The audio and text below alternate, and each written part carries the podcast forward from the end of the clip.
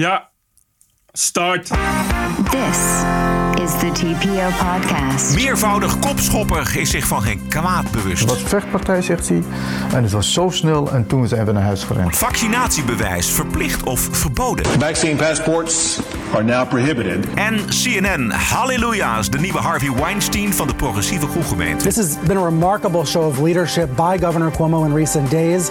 He's providing hope. Aflevering 274. Ranting and Reason. Bert Bresson, Roderick Phalo. This is the award winning TPO podcast.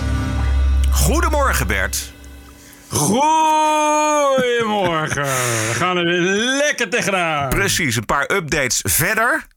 Eh, technische updates. En Ja, eh, we ik- kunnen weer helemaal van start. We hebben een nieuwe Zoom, we hebben, nieuwe, we hebben een nieuw beeld, we hebben, we hebben nieuwe oortjes, we hebben nieuwe, nou, van alles nieuw. Dus eh, dat moet allemaal goed gaan, volgens mij. Opnieuw opgestart. Opnieuw opgestart, lekker, eh, lekker vertraging. Maar goed, maakt niet, zo- maakt niet uit. Het is eh, vrijdagochtend 6 augustus. Vanmorgen wordt de 19-jarige Sanil B. voorgeleid aan de rechtercommissaris op verdenking van een dubbele poging tot doodslag bij twee mishandelingen op Mallorca. Eh, dit was zijn vader eerder in Hart van Nederland. Wat zegt hij daar zelf over? Hij zegt, papa, ik heb nooit iemand op, op hoofd geschopt. Nooit. Of tegen het hoofd. Hij eh, er was vechtpartij, zegt hij. En het was zo snel en toen zijn we naar huis gerend. Ja, de onschuld zelf, zullen we maar zeggen. Ja, ja. Eh, dit, is wel, dit zijn wel de woorden van zijn zoon. Die vader, heb ik, daar heb ik een lang interview met hem in de Telegraaf gelezen. Hij, hij is zelf jeugdwerker, dus dat is allerminst een garantie dat je je kinderen goed opvoedt.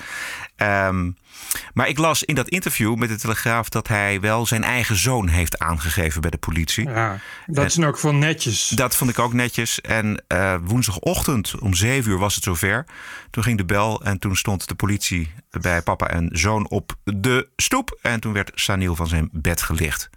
Vandaag wordt hij dus voorgeleid. En het enige wat daaruit komt volgens mij, Bert, is dat de rechtercommissaris besluit of hij langer vast blijft zitten. Dat klopt. Dat zal wel, al- alhoewel je, je bij jonge mensen nog wel eens hebt. Zeker ook omdat er dan, als het geen risico is voor vluchtgevaar, dat ze wel snel weer vrijkomen. Omdat de rechtercommissaris toch probeert ook om daar een middenweg in te vinden. Dat mensen niet ellenlang in voorarrest hoeven te zitten. En in dit geval eh, waren ze al weken naar hem, naar hem op zoek en heeft hij zichzelf gemeld en is hij ook niet weggegaan. Dus het kan zijn dat hij wel weer vrijkomt. Eh, hoe dan ook. Ja, ja, hij kan het zelf zeggen tegen zijn vader dat hij niemand heeft geschopt. Maar op de beelden die op geen stijl Ja, stonden, zie je hem toch wel in elk geval tegen iemand schoppen. Eh, en dat kan alleen Saniel zijn, want het is de enige blanke, blank, niet blank van het hele groepje. Eh, en het blijkt zo te zijn dat op de beelden van geen stijl, dat degene die je daar ziet, dat het niet de overleden Carlo is, maar iemand anders. Dus er zijn geen bewijsbeelden dat Saniel die Carlo schopt. Precies. Hij wordt dus, en hij wordt ook officieel niet verdacht van de, van de moord of doodslag op die 27-jarige Carlo Heuvelman. Maar wel dus van twee andere incidenten. En wat ik begrijp is dat eh, de jongen die de dood van Carlo wel op zijn geweten heeft, in ieder geval nog steeds vrij rondloopt. Ja, eh, omdat daar is dus nog geen, eh, geen eh, direct bewijs voor. Wat ik wel begrijp is dat de Spaanse politie en justitie nu alsnog een heel groot pakket met allemaal beelden naar Nederlandse politie hebben Oké. gestuurd. Naar het Nederlands OM. Omdat ik weet dat in het begin die vechtpartij wel op was genomen door beveiligingscamera's. Want de Spaanse politie kon die jongens zo snel achterhalen omdat ze beelden hadden. Ja. Eh, en daarom heeft ook dat uitleveringsverzoek, of in elk geval het samenwerkingsverzoek in dit geval, zo lang geduurd, omdat ze aan de hand van de beelden precies wilden uitzoeken wie wat had gedaan. Dus de kans bestaat dat er alsnog beelden zijn waarop duidelijk te zien is wie eh, de fatale schop heeft uitgedeeld. Ja. Maar het kan ook zijn dat er niet op de beelden is te zien eh, wie wordt geschopt. Dus dat je niet weet wie eh, dood is gegaan van die mensen die wordt geschopt. Want er zijn meerdere mishandelingen.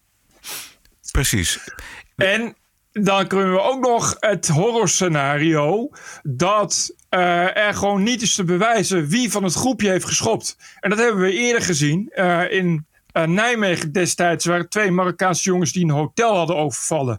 Die gingen er op de scooter vandoor, reden volgens iemand op een zebrapad dood. Eh, geen van die twee is uiteindelijk veroordeeld, omdat niet duidelijk kon worden gemaakt wie de scooter bestuurde, omdat ze naar elkaar blijven wijzen. En dat kan in dit geval ook. En we hebben hier te maken met een groep waar, nou ja, in elk geval dure topadvocaten tussen zitten. Dus die zullen er alles aan doen om ervoor te zorgen dat onduidelijk blijft wie de fatale schop heeft uitgedeeld. Ja, dat is inderdaad het horrorscenario wat, wat een grote kans maakt. Exact. Uh, ja. Nou ja, ehm, misschien dat er nog andere, wat, uh, andere beelden opduiken. En het is uh, zo dat er nu, en dat is blijkbaar wel nodig, dat het Nederlands OM dus samen met de Spanjaarden oproepen om getuigen te, zich te laten melden. Om dus wat meer zekerheid te krijgen over ja, de fatale schoppen. Precies. Ja. En ook omdat het dus heel veel, heel veel mishandelingen zijn. Ja. Dit is een hele, hele rits aan mishandelingen uitgevoerd. Dus daar is moeilijk om daar wat van te zeggen als je niet heel veel beelden hebt. Ja, precies. Inmiddels hebben zich bij de Nederlandse reputatie in het buitenland weer nieuwe kopschoppers gemeld. Het gaat Ik las het, ja. Een jongen in de buurt van het Gardameer in Italië. Viel een jongen lastig die daar met zijn ouders op een camping staat. Eh, gasten zijn opgepakt en worden hopelijk wel buiten Nederland berecht. Ik, uh, ik begrijp echt niet wat, uh, wat, wat er toch mis is met Nee. Nederlanders. Nee. En, dat, uh, Nee. en, die- dat zware geweld telkens. Ja, precies. Het Het, is, begint toch wel een beetje triest te worden, Exact, eerlijk ja. gezegd. Eerst was het alleen Amsterdam, een incident. En nu is het een landelijke trend in Nederland van een enorme hoeveelheid agressie en wapens. En steekpartijen vooral ook in Nederland. En, en dat gaat de grens over. Je zou het haast een kutland gaan Ja. noemen.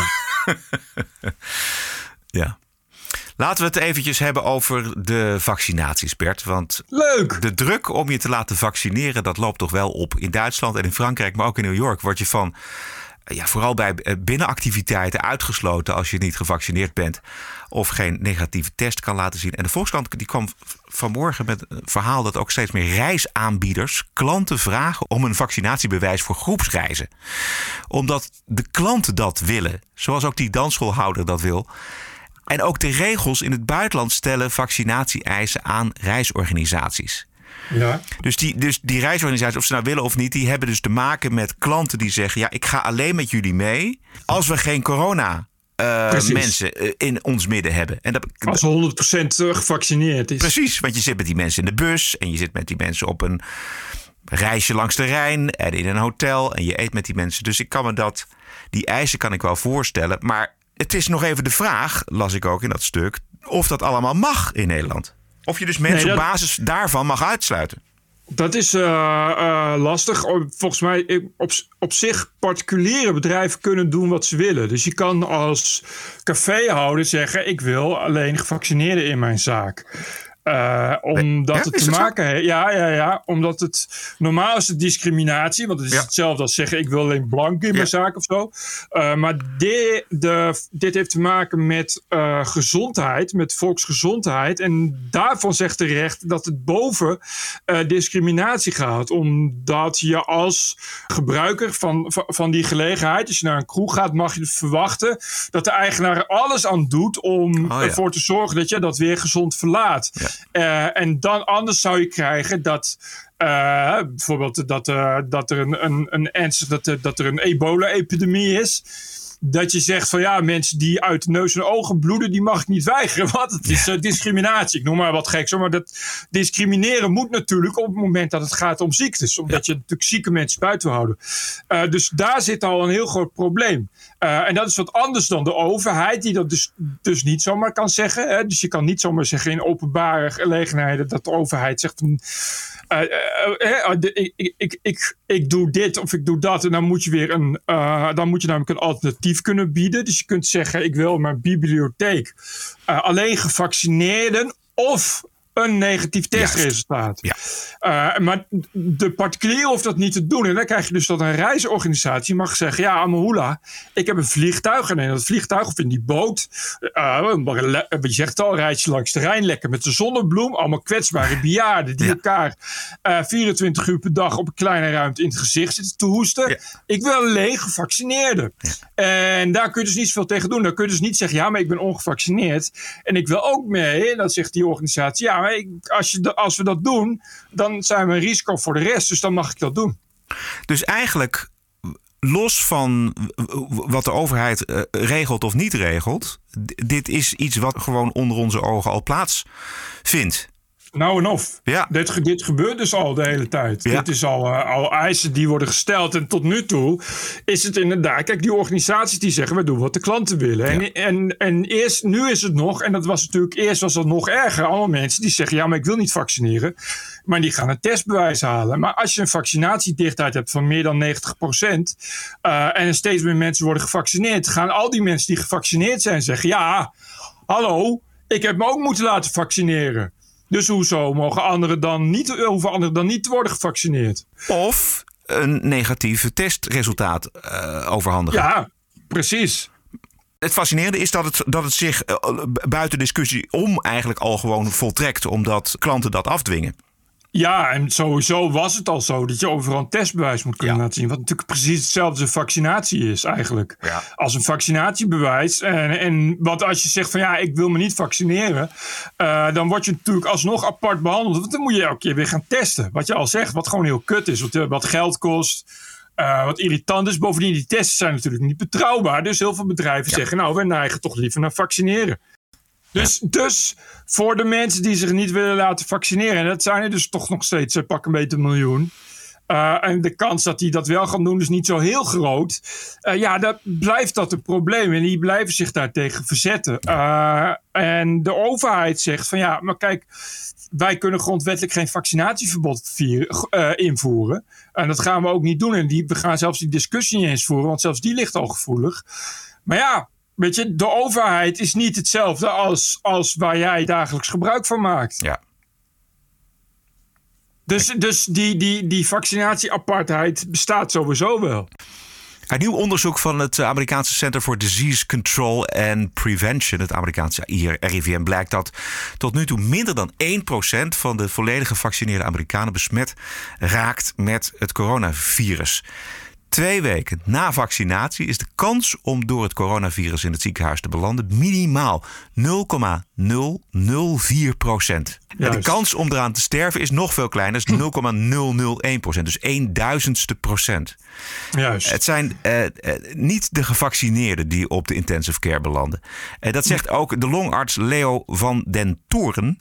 Dat zei hij dinsdag op Radio 1. Wat we nu weten van de opnames op de intensive care is dat dat bijna alleen maar patiënten zijn, ofwel die niet of onvolledig gevaccineerd zijn. En als ze gevaccineerd zijn, maar dat is echt een hele kleine minderheid, dan mankeren ze over het algemeen altijd wat. Ze zijn of ouder, hebben veel comorbiditeit, dus andere ziekten. En een klein groepje heeft ook een bekende afweerstoornis. Hè. Dus deze mensen reageren altijd slechter op de vaccinatie. Hè. Dus er is eigenlijk bijna niemand die in gezonde toestand na vaccinatie toch nog vanwege corona op de intensive care belandt. Ja, Dat was bekend al, hè? ja, Dat, dat was al bekend. Maar dit, dit, dit zijn dan nog eens keer de cijfers en, en eh, de bevestiging daarvan. ja. Dus je moet wel eh, ongelooflijk wantrouwend zijn naar het zij het vaccin, het zij naar eh, het feit of er überhaupt een pandemie eh, gaande is, eh, om je niet te laten vaccineren. Ja, die verhalen zie je nu hè, in de buitenlandse media. Dus daar is het al, eh, doen ze dat al maanden. Daar, eh, mensen laten zien die zich niet hebben gevaccineerd, vervolgens op de IC terechtkomen. Eh ja, eh, eh, 99,99% van dat soort mensen heeft spijt als haren op het hoofd. Ja. Gisteren ook weer in, in, in, in, in, in de Britse media een bekende antivaxer. Uh, notabene iemand die ook echt aan, aan, aan, aan Cambridge had gestudeerd. Dus een hoogopgeleide bekende antivaxer die eh, toch al van, sinds het begin van de pandemie roept. De kans dat hij het krijgt heel klein is. Dat als hij het krijgt zijn eigen immuunsysteem voldoende is. Want het is toch een griepje. Ja, die is eh, eh, op de IC gekomen en overleden. Ik zag dat de Volkskrant nu ook Ja. mee is begonnen Ja, van de week. precies, ja. ook, inderdaad, ook inderdaad typisch typische antivaxers die, die inderdaad eh, nu zeggen: eh, ja, de, de ziekte die ik heb meegemaakt is echt een reden om je wel te laten vaccineren. Eh, er was in The Guardian, toch geen onbetrouwbare krant als het om feiten gaat per se, ook een, een berg beklimmen. Tops, topfitte sporter van 42 die drie weken geleden nog, nog een soort Mount Everest had, had beklommen. Ja. Die inderdaad vond dat hij nou, fit en gezond genoeg was om niet te vaccineren.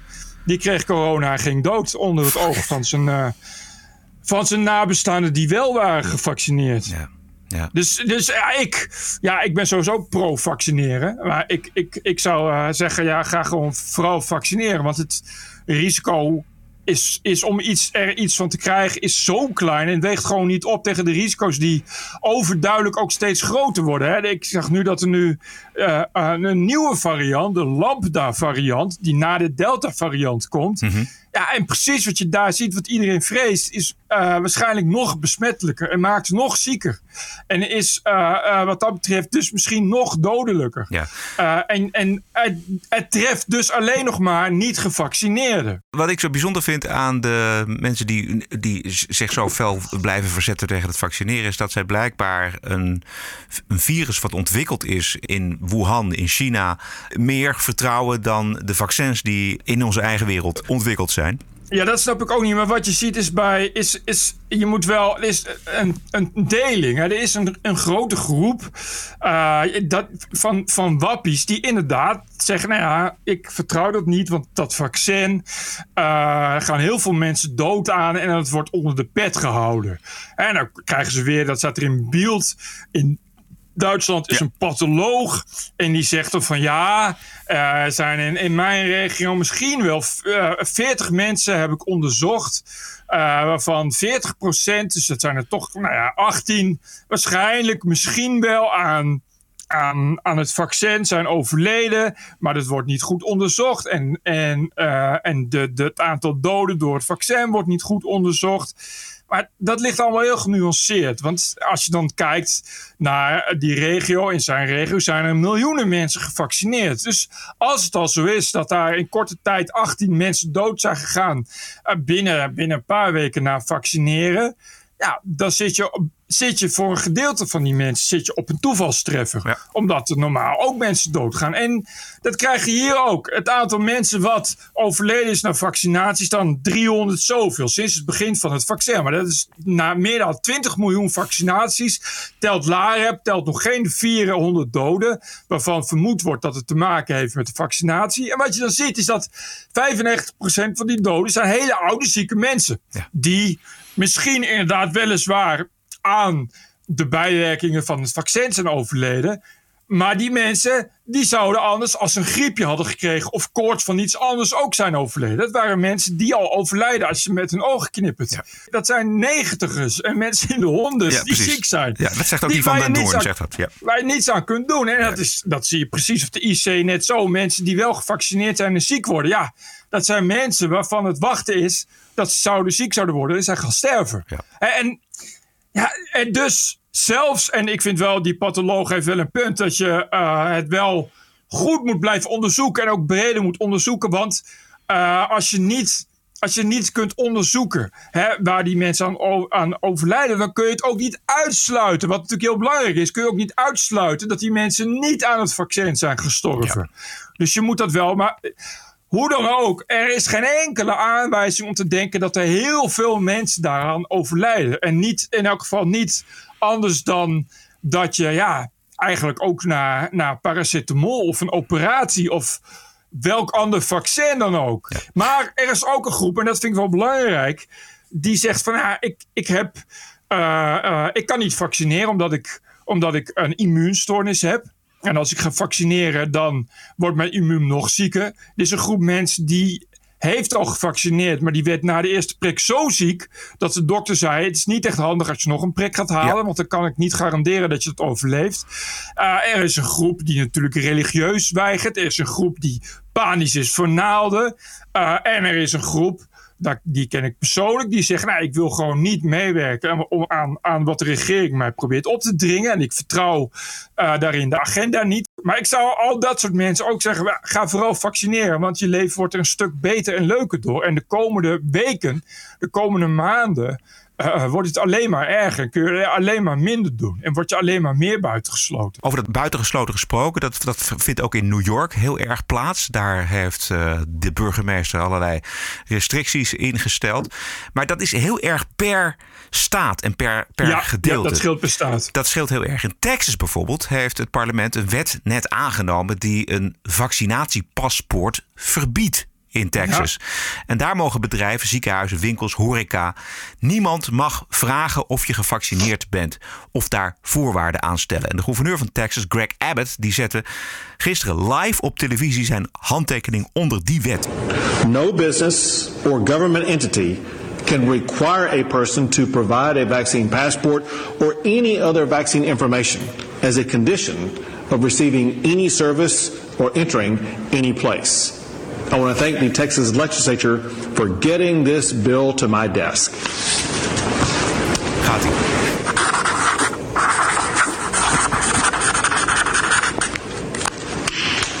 Vaccine passports are now prohibited in the Lone Star State. Ja, de Lone Star State, dat is Texas. Zo gaat dat daar. Ja, dit is Texas. Texas wil, uh, uh, is nog, heeft nog liever uh, een langdurige stroomuitval in de winter dan dat het aangesloten zit op het federale stroomnetwerk. Ja, ja, dus ja. Texas wil zo min mogelijk overheidsinvloed. Dat is waar het daarom gaat. Ja. Maar ja, Texas heeft ook de meeste zieken en overlijdens en volle IC's. Want een, een, een hele lage vaccinatiegraad. Ja, dus, samen met Florida. Ja, precies. Maar het, het gaat natuurlijk om vrije keuze. Dat is natuurlijk, natuurlijk waar het om gaat. Het is dat, dat in Texas zegt die gouverneur, ja, het zal me wel. Uh, het zal me wel dat mensen er ziek en dood aan gaan. Maar dan moeten die mensen dan zelf voor kiezen. Dan, nu, speciaal voor Bert. Sports on TPO Podcast. Speciale sport-item tune gemaakt van de week. Uh, Bert, ja, we beginnen met groot nieuws van RTL over het uh, Nederlandse dameshockeyteam. Er kwam gisteren uh, kwam dat naar buiten. Misschien wel heeft het gemist, dat nieuws. Hey, geen goed nieuws. Team NL is nog veel te... saai? Nee. Dodelijk saai. Nee. Wit. Onbelangrijk. Goed dat RTL Nieuws daarmee komt. RTL Nieuws zit altijd bovenop de belangrijkste, heetste zaak als het gaat om blanke tellen. Ja, ja, dus uh, ja. dat is, uh, nee, ik vind het goed dat, dat, dat het zo nog in de gaten wordt gehouden. En dat terwijl in de sportwereld gaat het om eerlijkheid, schrijft, schrijft RTL op de website. In zekere mate is het natuurlijk ook wel eerlijk, legt de Jong uit. En de Jong is deskundige die ze uit de kast trekken. En die zegt dan, als het startschot gaat, heeft iedereen een even grote kans om te winnen. Maar niet iedereen heeft de kans om aan de start te komen. En dit beeld bevestigt hoogleraar gaan we weer. Jacco van Sterkenburg van het Erasmus Universiteit in Rotterdam. Hij is gespecialiseerd in etnische diversiteit in de sport. Natuurlijk, dan bel je hem. En een aantal sporten die Nederland eh, vertegenwoordigt op de Olympische Spelen, zegt hij in Tokio, zijn overwegend witte sporten. En vaak is dat historisch zo gegroeid en in stand gehouden. En in stand gehouden. In stand gehouden door het racistische systeem. Juist, juist. Sport is racisme. De Roeibond die heeft besloten zich uit te spreken met een diversiteitscommissie die onder Oh, meer God, enquêtes en brainstormavonden opzet. Willen ze het overwegend witte beeld aanpakken. Wat leuk kunnen ze stage lopen bij ABN AMRO. Dat is Ja. tot nu toe heel succesvol.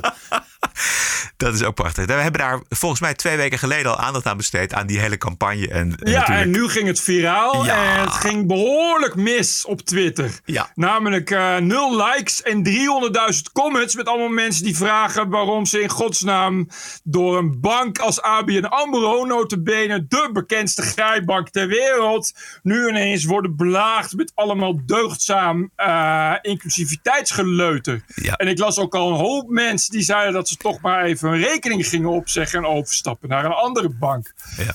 Dus het is tot nu toe heel succesvol van ABN AMRO. Ja, heel ja. goed. Ja, niemand begrijpt het eigenlijk eh, waarom je eh, dat soort achtergronden van mensen eh, moet weten. En het ging namelijk om Erik. En Erik die houdt zich bezig met meerdere vrouwen dan alleen zijn eigen vrouw. Waarom moeten we dat weten? Ik zag ook al rijke mensen en prominente zakenlieden die zeiden... ik weet het niet, ABN AMRO, maar ik kon voor mijn laatste bedrijf... geen rekening bij jullie openen.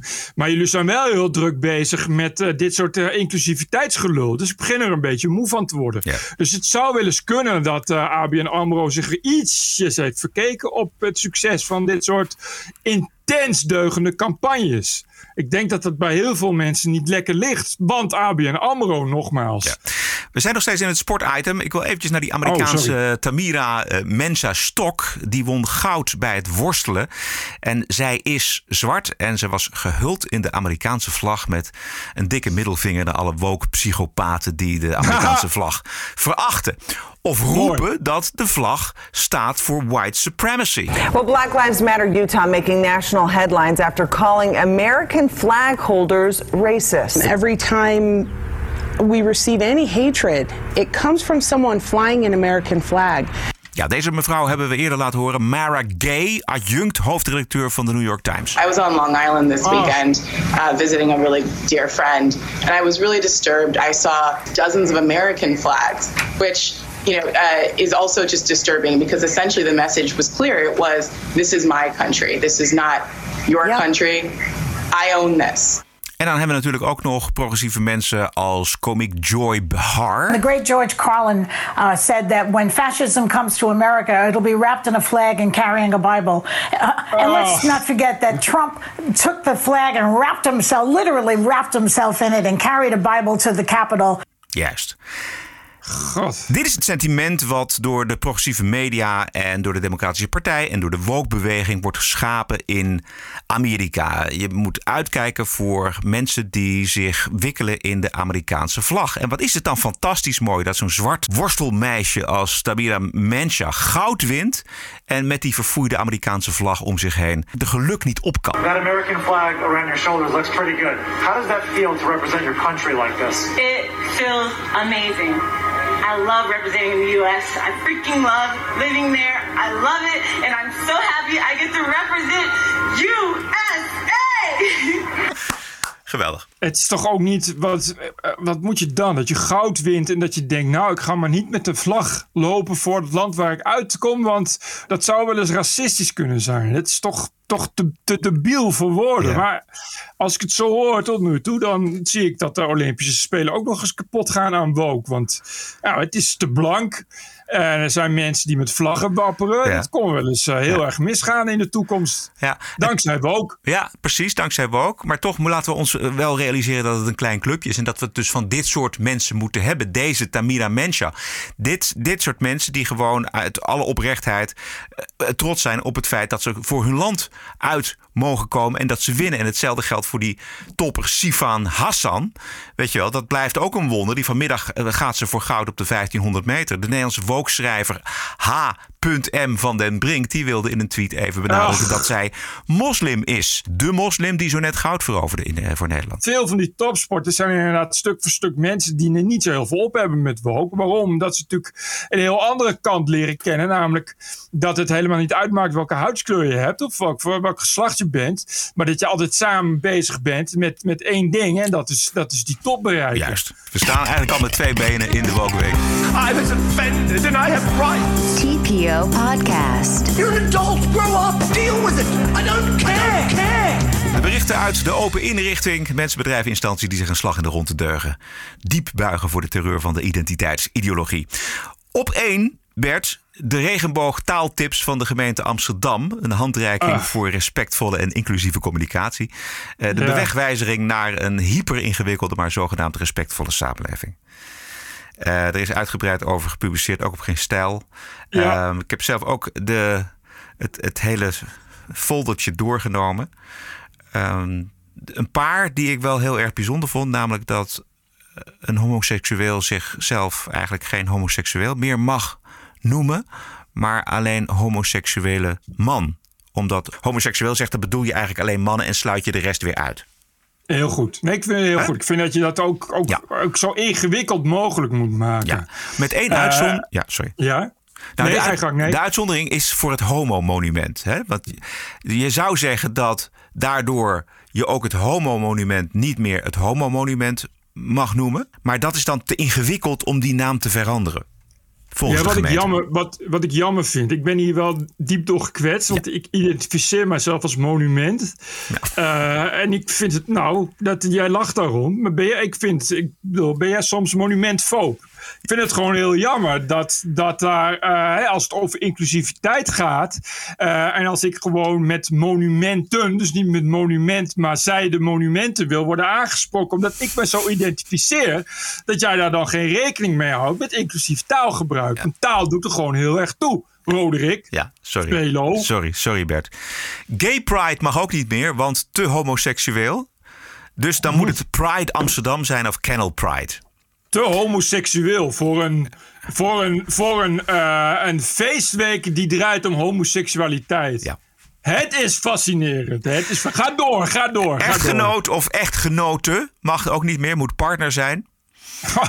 Vaders en moeders zijn uit den boze, moeten ouders op opvoeders Wel, zijn. ja. en, zo, ja. en zo gaat het maar door. En er zijn natuurlijk mensen, die dat zag ik ook online, die zeggen: Ach, wat maakt het nou allemaal uit? Weet je, het zijn toch maar tips van de gemeente en het is allemaal goed bedoeld. Nou, vorige week. Goed bedoeld? Ja, dat, is, dat zeggen zij. Dat is nou, nee, dat is niet goed bedoeld. Want?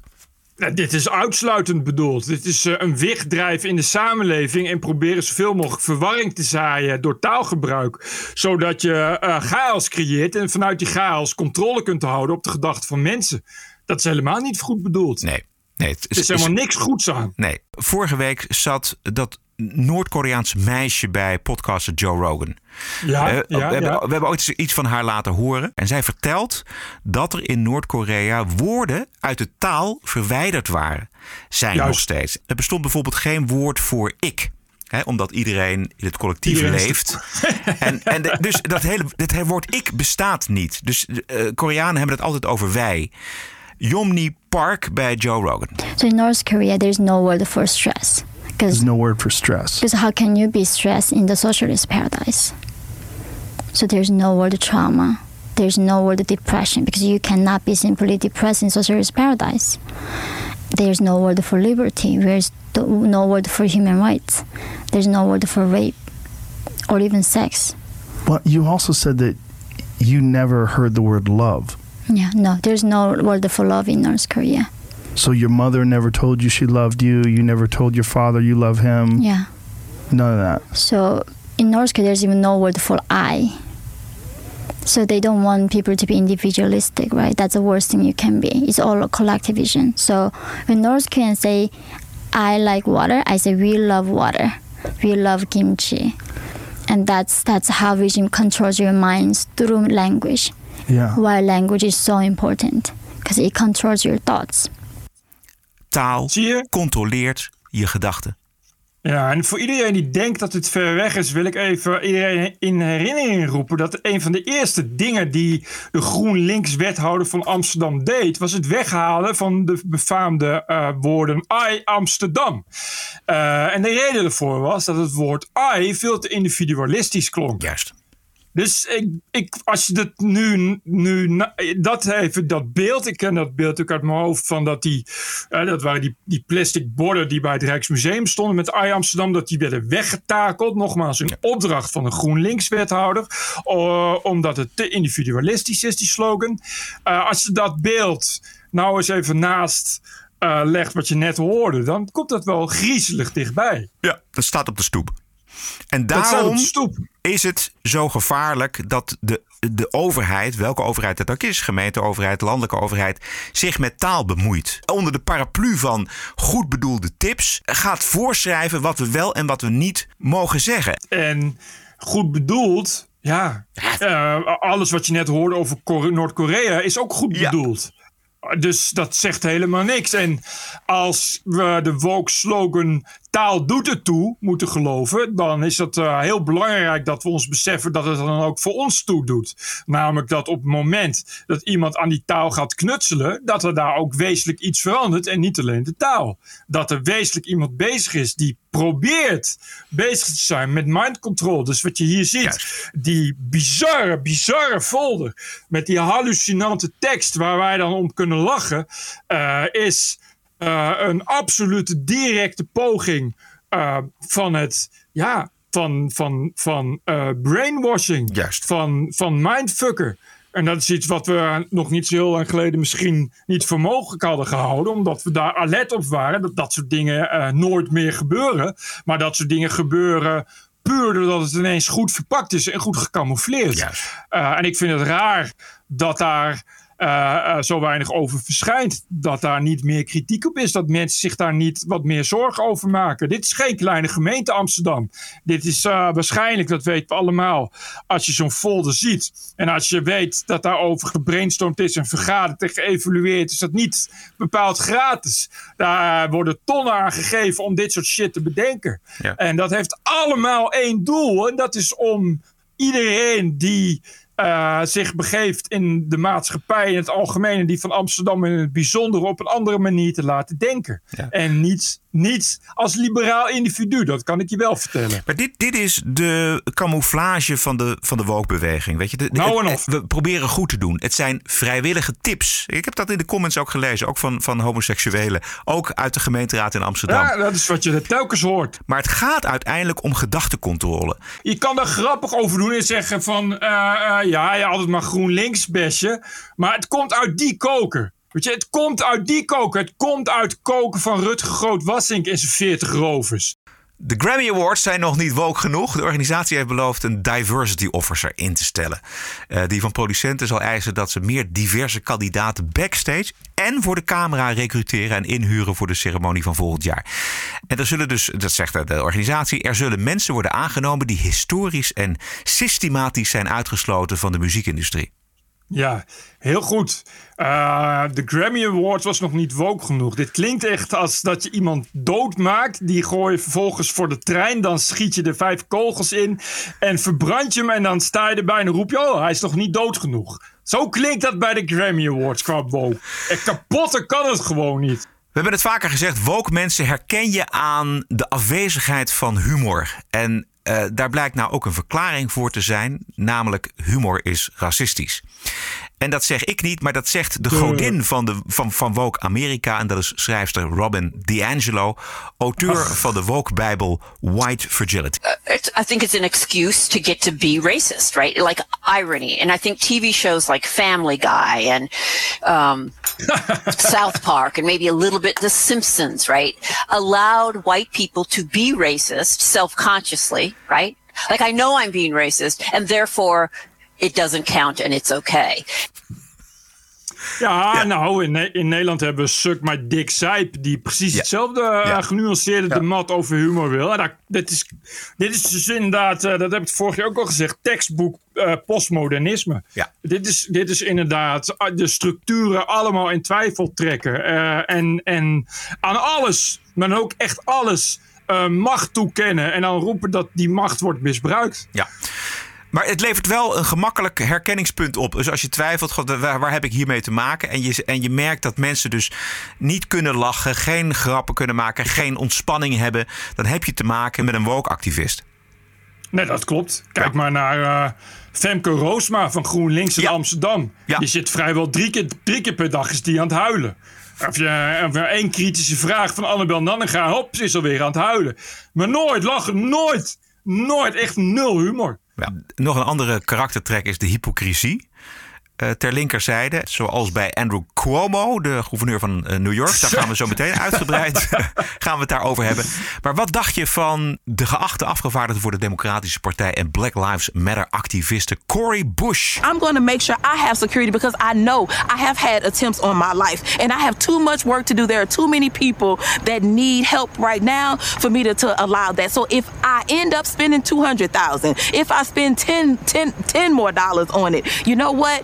I get to be here to do the work. So suck it up and defunding the police has to happen. We need to defund the police. In one take dus. Hè, de politie voor gewone mannen en vrouwen van de straat halen en persoonlijke beveiliging eisen. Al kost dat 200.000 dollar. Ik ben even, even dit eh, aan het verwerken. Dit is dus iemand die zegt... letterlijk, je moet niet zo zeiken... dat er meer misdaad is in je straat... want de politie moet kapot. Eh, zelf tegen mij wordt er ook meer misdaad gepleegd... dus moet ik meer geld uitkeren... om mezelf persoonlijk te beveiligen. en daar mag je ook niet over zeiken. Want dat is belangrijk... want ik moet jullie namelijk beschermen. Ik moet werk van jullie maken... want zonder mij zijn jullie natuurlijk nergens. Dus... Oké, nou dat klinkt eh, heel erg als Animal Farm. Dit klinkt heel erg als iedereen gelijk, maar iets, ik ben iets meer gelijk dan jullie. 100%. Heb jij enig idee, Bert, hoeveel eh, de, Amerikaanse ondernemingen al hebben uitgegeven aan diversiteit en inclusietrainingen tot nu toe? Is Miljarden? Becijferd, ja, miljarden. Dat ik geen idee, maar miljarden, dat lijkt me voor de hand liggen. 8 miljard dollar, oftewel 8000 miljoen dollar. I should point out for our viewers that last year a study found that US companies spent $8 billion uh, on diversity and inclusion, and diversity consultants earn somewhere in total, cumulatively, around a billion, half a billion a year. Juist. En een schatting is dat de consultants in deze business jaarlijks zo'n 500 miljoen euro te verdelen hebben. Wat, wat je met dat geld allemaal niet zou kunnen doen. Hè? met bijvoorbeeld arme zwarten in arme wijken. Uh, of bijvoorbeeld inhuren van beveiliging in, op plekken waar geen politie meer is. 8 miljard! Man, man, man, je zou uh, bijvoorbeeld onderwijs kunnen verbeteren. Je zou uh, aandacht kunnen besteden aan de deplorabele situatie waarin veel uh, zwarte kinderen verkeren omdat ze geen vader meer hebben, aan gebroken gezinnen. Je zou hulpverlening kunnen in, inzamelen. 8 miljard. En weet je, het is nog veel erger. Want die 8 miljard euro is weggegooid geld.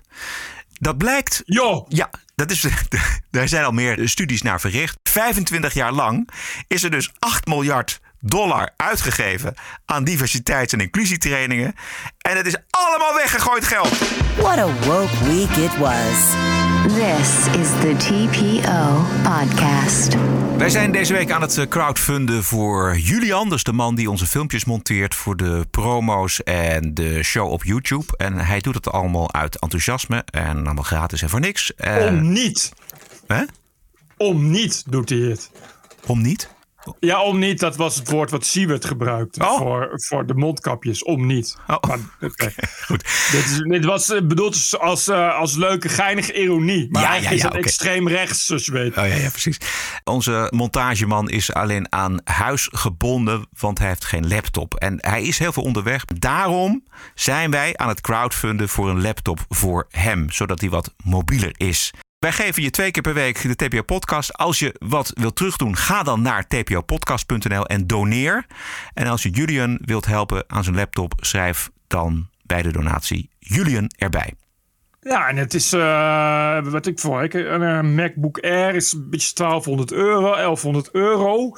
Dus dat is niet zoveel. Dus het uh, duizend mensen, en die luisteren sowieso, hoeven alleen maar even een euro te doneren. Dus als nu gewoon duizend mensen nu, ja. nu een euro doneren, zijn we er al. Hoe moeilijk kan dat zijn? Hè? Wat is nou een euro? Oh, sorry. Dit is de TPO-podcast. Een eigenzinnige kijk op het nieuws en de nieuwsmedia.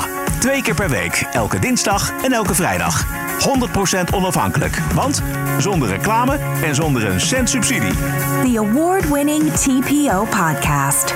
Wat is het jou waard? Een euro per aflevering? 104 euro per jaar? Of kies zelf een bedrag. Waardeer en doneer op tpo.nl slash podcast. De TPO-podcast. Wat is het je waard? En wil je je donatie toelichten? Schrijf dan een kort en krachtig mailtje naar info.tpo.nl. Zet je dinsdag in de show. TPO Podcast. Ladies and gentlemen, the President-elect of the United States. This is CNN breaking news. We have never, ever, ever, ever failed in America. It's an incredible way of putting it. Telling the truth matters. It's an incredible way of putting it. This is a Russian intelligence disinformation campaign. Why isn't Joe Biden angrier about all of this? How stupid can you be? This is a classic example of the right wing media machine. It just lacks credibility. Go ahead. Oh, de hooggeprezen gouverneur van de staat New York, Andrew Cuomo, die heeft een vernietigend onderzoek aan zijn broek. Hij zou zich bij elf vrouwen seksueel overschrijdend gedragen hebben. Toespelingen, aanrakingen, omhelzingen. Geen verkrachtingen, maar wel vrouwen in een ongemakkelijke en vervelende positie gebracht hebben. En bij CNN uh, een van de vrouwen die dit heeft meegemaakt. Karen, thank you very much for coming on and speaking tonight. So now we have this report. This is a man I've known for 25 years or more. And this is the kind of behavior that he uh, has shown me and other women um, throughout that time. Andrew Cuomo is the master of the art of this kind of behavior. Ja, en de Amerikaanse president en partijgenoot Biden vindt dat de gouverneur moet vertrekken. Are you now calling on him to resign? Yes. And if he doesn't resign, do you believe he should be impeached and removed from office? Let's take one thing at a time here. And he's using a photo of you embracing him in his self defense to say that these are commonplace kind of embraces that he made and the allegations against him. Do you condone that? Look, I'm not going to fly spec this. I'm sure there are some embraces that were totally innocent. But apparently the Attorney General decided there were things that weren't. Ja, met dat laatste is hij natuurlijk een beetje voorzichtig.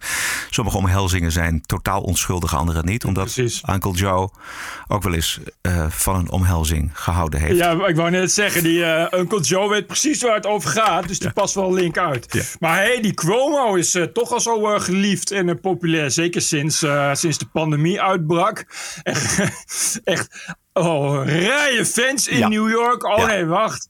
En je zal zien dat hij een broer heeft bij CNN. Dat wordt pijnlijk. oh, wacht. die heeft hij ook. Ja. Nee, er zitten ongelooflijk veel interessante aspecten aan deze zaak. Eerst eventjes de boter op de hoofd en, de, en, en in de broek van de gouverneur zelf. Uh, dit zei Andrew Cuomo in 2018 over Trumps voordracht van opperrechter Kavanaugh. Die door één vrouw beschuldigd werd over mogelijke aanranding in hun studententijd. There is a disrespect for women that this administration chronically uh, exemplifies. After the Me Too movement, they did absolutely nothing when it came to sexual harassment. To cheapen or ridicule the pain a woman suffers from a sexual attack uh, is disgusting. Sexist and disgusting. De Trump-regering en de opperrechter zijn seksistisch en walgelijk. En er kwam geen bewijs voor de beschuldiging aan het adres van Kavanaugh. En hij werd opperrechter. Maar de kerfstok van Cuomo was nog niet bekend. Wat een onvoorstelbare hypocriete gast dit. Ja, dit is precies, precies wat je had verwacht eigenlijk. Hè?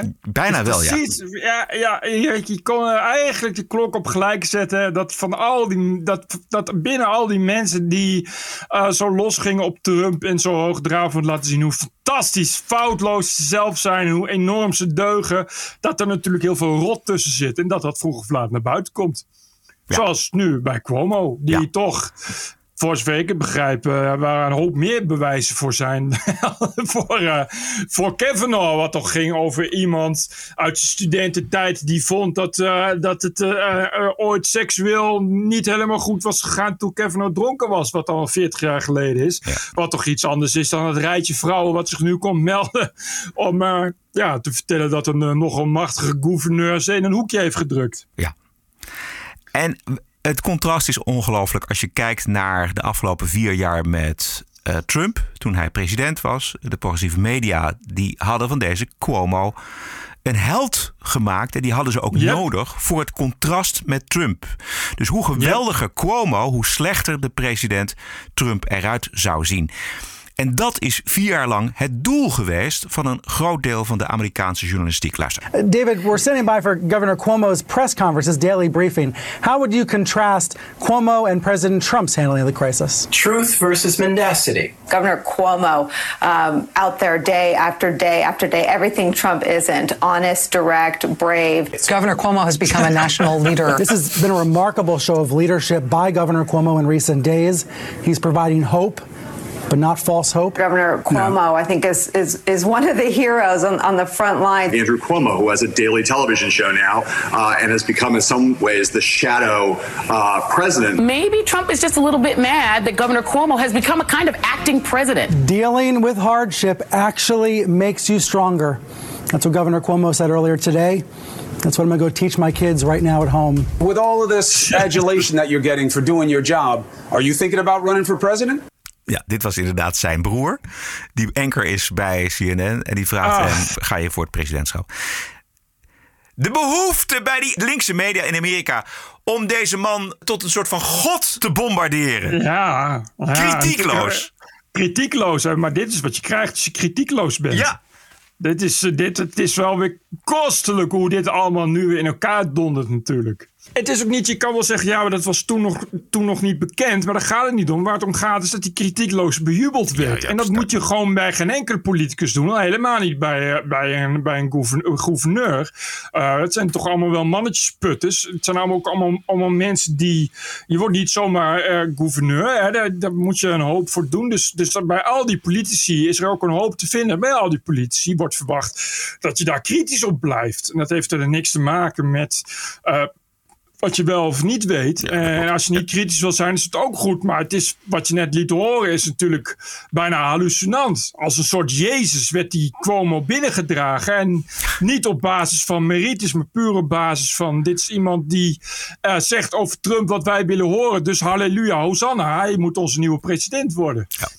Ja. dat is prima, maar niet als je, als je, als je, als je journalistiek medium bent natuurlijk. Exact, exact. Die laatste vraag over de presidentschap was van zijn broer Chris Cuomo eh, bij, bij CNN. Die broer blijkt dus uh, hem voortdurend van adviezen voorzien te hebben in, in deze tijd. In ik, Precies.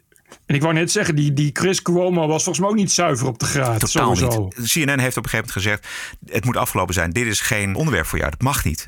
En dat is des te pijnlijker. Chris mag dus niks zeggen over het allergrootste nieuws in Amerika van dit moment. En hoe pijnlijk dat is, dat werd duidelijk toen hij zeg maar, zijn show overgaf aan zijn maatje Don Lemon. Mm. Yeah. Uh, I can, because we've watched it happen. Yeah. And we've seen it happen before. Yeah. The good news is there's always a chance for change and hopefully we'll see yeah. that here. But our hearts and our thoughts have to go out to the families of these officers who took their own lives. Precies, dit gaat dus over een heel ander onderwerp. Dit is dus wat hij behandeld heeft, namelijk eh, de zelfmoord van een aantal officieren die ah, ja. de bestorming hebben meegemaakt. En dan? I'm right. going to make my witness, as you say. And you make know your what? witness. I love you, brother. I love you, D. Lemon. All right. This is Don Lemon tonight. The calls are getting louder and louder. This is what I'm talking about. Top Democrats from New York to the White House calling on Governor Andrew Cuomo to resign. That in the wake of the bombshell report from the state's attorney general that alleges the governor sexually harassed 11 women, including state employees and a New York state trooper. Question Should Governor Andrew Cuomo resign? Answer Yes. oh! Ja. Oh. Maar het is natuurlijk heel pijnlijk dat. Uh, pijnlijk, hè? Het grootste onderwerp, de bombshell, moet negeren. omdat het zijn broer betreft. Ja, het is ook, ik snap ook niet dat, nou ja, dat CNN hem in die positie houdt. En dat je, weet je, dat is natuurlijk ook, oh, dat wordt natuurlijk vroeg of laat onwerkbaar. En je gaat nu ook de hele tijd, alles wat die Andrew Cuomo doet, elke keer als je die naam Cuomo hoort, denk je aan die misbruikende gouverneur. Ja. Maar weet je, vergeet niet, Bert, dat, dat CNN is natuurlijk al zo ver afgedreven van de zuivere journalistiek. Weet je, het is echt een propagandazender uh, geweest tegen Trump en nu voor Biden. Uh, en daar hebben al die anchors hebben daar uh, hun bijdrage aan geleverd. En misschien wel moeten leveren, want het was een beetje policy van CNN om dat op die manier te doen. Maar de, de, uh, dus precies wat, wat, we hadden voorspeld en precies wat, wat ze dus zelf ook hadden kunnen voorzien. Als je, niet, als je niet zuiver blijft in die journalistiek en de media, dan gaat het vroeg of laat wel heel duidelijk tegen je werken. Ja, ja, ja. Nog iets vergeten? Mm, ja, over CNN gesproken. Die hebben net drie mensen ontslagen die niet gevaccineerd waren. Oh ja. ja. Dus zo zijn ze dan ook, zo zijn ze dan ook wel weer bij CNN. Een uh, bedrijfspolicy dat je gevaccineerd moet zijn. Dus voor iedereen die zich afvroeg. Ja, hoe, hoe, hoe uh, serieus is dat? Nou, dat is dus heel serieus. Je wordt gewoon op staande voet ontslagen als je geen vaccinatiepaspoort kunt laten zien. Ja. Dit even terzijde, maar ik dacht er nog even aan. Ja. Um, ik heb nog een bonusquote. The award-winning TPO podcast. Ik heb gisteren iets getweet waar nogal wat mensen boos over uh, waren. Of teleurgesteld in ieder geval. Mensen die afgehaakt zijn bij de podcast. Och, omdat wij kritiek hebben op wat er nog over is van Forum voor Democratie. En omdat wij denken Ach. dat de vaccinaties meer te vertrouwen zijn dan, dan het virus uit een laboratorium in Wuhan in China. Ik kreeg ook zo'n mail. Ja, nee, zeg Ah, maar. Dan goed. ga ik zo nog even Nou ja. een mail voorlezen. Baudet die tweette... eh, mijn mensbeeld is ingrijpend en diep veranderd door de wijze waarop velen, juist ook gestudeerden, zijn meegegaan en nog steeds meegaan in de mondiale COVID-scam en de misdadige maatregelen die het verlengde daarvan worden genomen. Het is verbijsterend. Ik reageer daar normaal gesproken niet op, maar ik kon het toch niet laten. Dus ik zei, ja, wat, ik vind het nog veel verbijsterender dat jij je denkkracht vrijwillig in dienst stelt van een beerput zonder feiten en poeppraat. Nou, dat was Ja. best, wel, best, wel, best wel hoekig gesteld. Maar goed, ja, ik vind het ook zo. Ik vind dat. Het is wel zo. Het is wel zo. En wat je dan voor ja, in de reacties ziet en hoe rigide mensen zijn als je denkt dat beweringen die in de mainstream ook waar kunnen zijn. In, in dit geval dus de pandemie is... Stel je voor. Ja, stel je voor dat, dat je iets aanneemt wat, wat in de mainstream media speelt. Dan ben je af. Dat rigide denken ligt altijd op de loer. En daar zegt die broer van Brad Weinstein, Eric Weinstein, iets over in een clip die ik gisteravond op Geen Stijl zag. Where the idea is that um, a bad contrarian attempts to put a minus sign in front of whatever it was that was said by the mainstream and hopes that that's right because the mainstream is always wrong. Um, that doesn't work for, uh, I mean, myriad reasons, but. Um, in particular, one thing is it means you're under the control of the mainstream because you're reflexively simply negating them at all times. And uh, very often, the most actually heterodox and uh, difficult thing for somebody who's in that space is to say, uh, I actually think that the mainstream is correct about something. They may have gotten there through means that I don't approve of, but one of the reasons I think we, we, we, often claim that we want people to be critical thinkers, but then in practice uh, that's honored in the breach, is that very few people have the discipline. Ja, het is misschien een beetje moeilijk te volgen, maar hij zegt honored in the breach. Hè, we zeggen dat we van kritische mensen houden. Maar Precies. als de kritiek je niet aanstaat, dan moeten mensen niks hebben van kritische mensen. En mensen die Precies. iets op eigen kracht uit de mainstream correct achten, zijn per definitie geen kritische mensen. Vinden, vinden mensen. Dus het, het, gaat om de rigiditeit. En daar ja, verbaas ik me over. Het is gewoon identiteitspolitiek. Als je iets goed vindt uh, uh, uit de mainstream media, dan uh, ben je fout. Dat is precies hetzelfde als identiteitspolitiek waar ze zich tegen verzetten. Hier, dit identiteitspolitiek gaat over zwart en wit, over goed en fout. Ja. Dit, deze mensen doen dat precies zo. En het zijn altijd de mensen die uh, als hardste schreeuwen over dat ze tegen identiteitspolitiek zijn. En dat het mediakartel uh, ze de mond probeert te snoeren. En dat de vrijheid van meningsuiting is. En het enige wat ze doen is anderen vertellen dat ze hun bek moeten houden. En dat ze dingen niet mogen vinden. Ik zal even nog dus een mail voorlezen die ik binnenkreeg. Ja. Dat gaat van iemand die precies dit doet. Uh, hey Bert en Roderick. Sta ik mijn opleggen van de vrachtwagen te laden om weer een hele lange rit van Reykjavik naar het noorden van IJsland te maken, hoor ik Bert opeens zeggen dat ik waarschijnlijk een werkloze antivax-wappie ben, omdat ik het vaccin, vaccin dus ook niet neem. Ik leef super gezond, werk me helemaal de tering om mijn gezin van zes een goed leven te kunnen bieden. En heb na lang nadenken besloten dat ik en mijn gezin het vaccin niet gaan nemen. Om dan Bert de generalisatie te horen maken dat mensen die om wat voor reden dan ook het vaccin niet willen, weg te zetten als werkloze antivax-wappies. Echt, what the fuck? Dus voor mij even geen TPO-podcast meer. Of donaties van mijn zuurverdiende centen naar jullie toe. Ik ga wel wat extra afleveringen luisteren van Joe Rogan podcast. Die zich overigens ook niet heeft laten vaccineren. En er gelukkig geen pro-vaccinatieshow van maakt. Het gaat het ga jullie goed, maar helaas stopt het hier voor mij. Met vriendelijke groet Arjan. Ja, Ten eerste heb ik dat nooit gezegd. Het ging niet over, uh, het ging over mensen in de comments van YouTube. Maar dat zie je altijd, dat, dat goed luisteren ook een beetje een dingetje is bij snel getriggerde mensen. Uh, en ten tweede, ik, ja, hier, zie je dus iemand die zijn, die zijn identiteit dus uit dat soort dingen ontleent. Zegt van ja, ik, uh, Joe Rogan, die, die heeft zich niet laten vaccineren, dus dan is het wel goed. Ja, ik weet trouwens niet of dat zo is. Volgens mij Nee, dat volgens mij ook niet, maar goed. Dat is ook weer zoiets. En vergeet niet dat wij gewoon onze eigen mening opdoen. En dat we niet in een of ander straatje gaan zitten van wij vinden uh, A altijd geweldig of we vinden B altijd geweldig. Zo werkt het gewoon niet bij ons. Dit was aflevering 274. Uh, u vindt ons op Spotify, Apple Podcasts, iTunes en natuurlijk tpopodcast.nl. Zeer veel dank voor de ondersteuning. Uh, post kan naar info.tpo.nl en waarderen kan op tpopodcast.nl. We zijn terug dinsdag 10 augustus, Bert. Stay cool. En tot dinsdag. TPO Podcast. Bert Brussen, Roderick Balo. Ranting and Reason. Doctor is in and the diagnosis is clear. Liberalism is a mental disorder. Podcasting is the TPO podcast in the Netherlands. Bert and Roderick. What a show. I'm telling you. Keep the show running. Go to tpo.nl slash podcast. Thank you.